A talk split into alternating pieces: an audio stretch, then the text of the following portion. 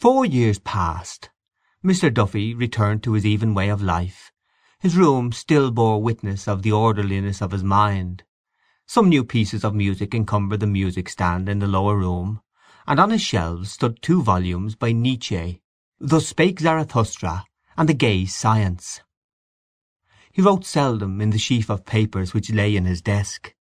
One of his sentences, written two months after his last interview with Mrs. Sinico, read, Love between man and man is impossible because there must not be sexual intercourse, and friendship between man and woman is impossible because there must be sexual intercourse. He kept away from concerts lest he should meet her. His father died. The junior partner of the bank retired, and still every morning he went into the city by tram, and every evening walked home from the city after having dined moderately in George's Street and read the evening paper for dessert. One evening, as he was about to put a morsel of corned beef and cabbage into his mouth, his hand stopped. His eyes fixed themselves on a paragraph in the evening paper which he had propped against the water carafe. He replaced the morsel of food on his plate and read the paragraph attentively. Then he drank a glass of water, pushed his plate to one side, doubled the paper down before him between his elbows, and read the paragraph over and over again. The cabbage began to deposit a cold white grease on his plate. The girl came over to him to ask was his dinner not properly cooked. He said it was very good, and ate a few mouthfuls of it with difficulty. Then he paid his bill and went out. He walked along quickly through the November twilight, his stout hazel stick striking the ground regularly, the fringe of the buff mail peeping out of a side pocket of his tight reefer overcoat. On the lonely road which leads from the Parkgate to Chapelizod he slackened his pace. His stick struck the ground less emphatically, and his breath, issuing irregularly, almost with a sighing sound, condensed in the wintry air.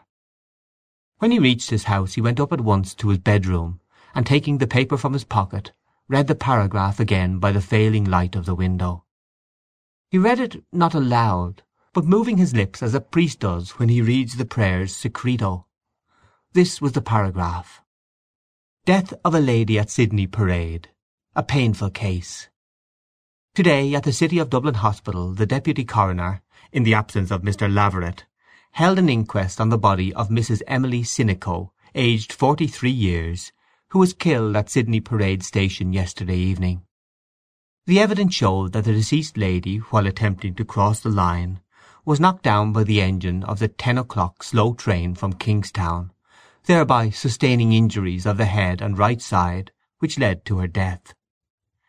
James Lennon, driver of the engine, stated that he had been in the employment of the railway company for fifteen years. On hearing the guard's whistle he set the train in motion, and a second or two afterwards brought it to rest in response to loud cries. The train was going slowly. P. Dunne, railway porter, stated that as the train was about to start he observed a woman attempting to cross the lines. He ran towards her and shouted, but before he could reach her she was caught by the buffer of the engine and fell to the ground. A juror.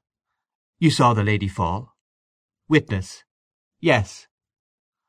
Police Sergeant Croly deposed that when he arrived he found the deceased lying on the platform apparently dead. He had the body taken to the waiting room pending the arrival of the ambulance. Constable 57E corroborated.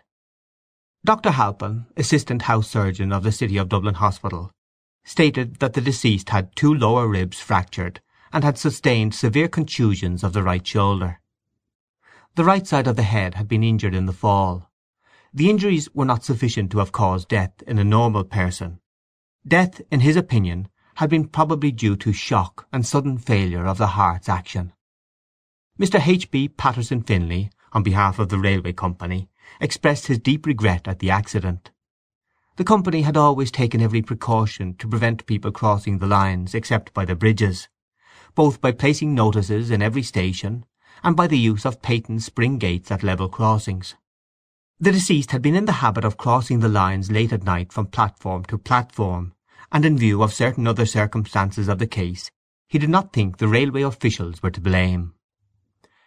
Captain Sinico of Leoville, Sydney Parade, husband of the deceased, also gave evidence. He stated that the deceased was his wife. He was not in Dublin at the time of the accident, as he had arrived only that morning from Rotterdam. They had been married for twenty two years, and had lived happily until about two years ago, when his wife began to be rather intemperate in her habits. Miss Mary Sinico said that of late her mother had been in the habit of going out at night to buy spirits. She, witness, had often tried to reason with her mother, and had induced her to join a league. She was not at home until an hour after the accident.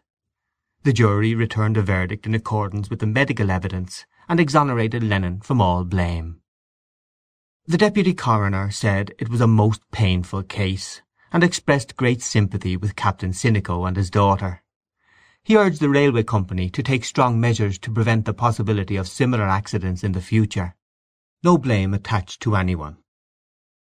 Mr. Duffy raised his eyes from the paper and gazed out of his window on the cheerless evening landscape.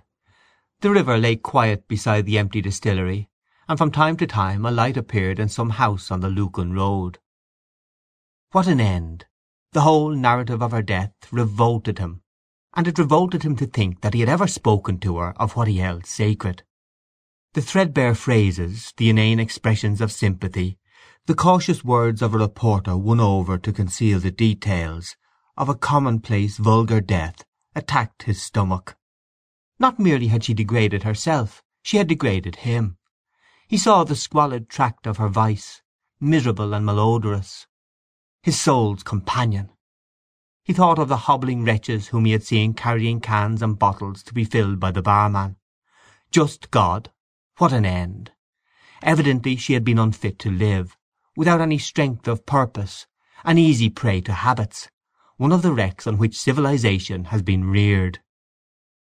But that she could have sunk so low! Was it possible he had deceived himself so utterly about her? He remembered her outburst of that night and interpreted it in a harsher sense than he had ever done. He had no difficulty now in approving of the course he had taken. As the light failed and his memory began to wander he thought her hand touched his. The shock which had first attacked his stomach was now attacking his nerves. He put on his overcoat and hat quickly and went out. The cold air met him on the threshold. It crept into the sleeves of his coat. When he came to the public house at Chapelizod Bridge he went in and ordered a hot punch. The proprietor served him obsequiously, but did not venture to talk. There were five or six working men in the shop, discussing the value of a gentleman's estate in County Kildare. They drank at intervals from their huge pint tumblers, and smoked, spitting often on the floor, and sometimes dragging the sawdust over their spits with their heavy boots. Mr. Duffy sat on a stool and gazed at them, without seeing or hearing them. After a while they went out, and he called for another punch. He sat a long time over it. The shop was very quiet. The proprietor sprawled on the counter reading the Herald and yawning. Now and again a tram was heard swishing along the lonely road outside.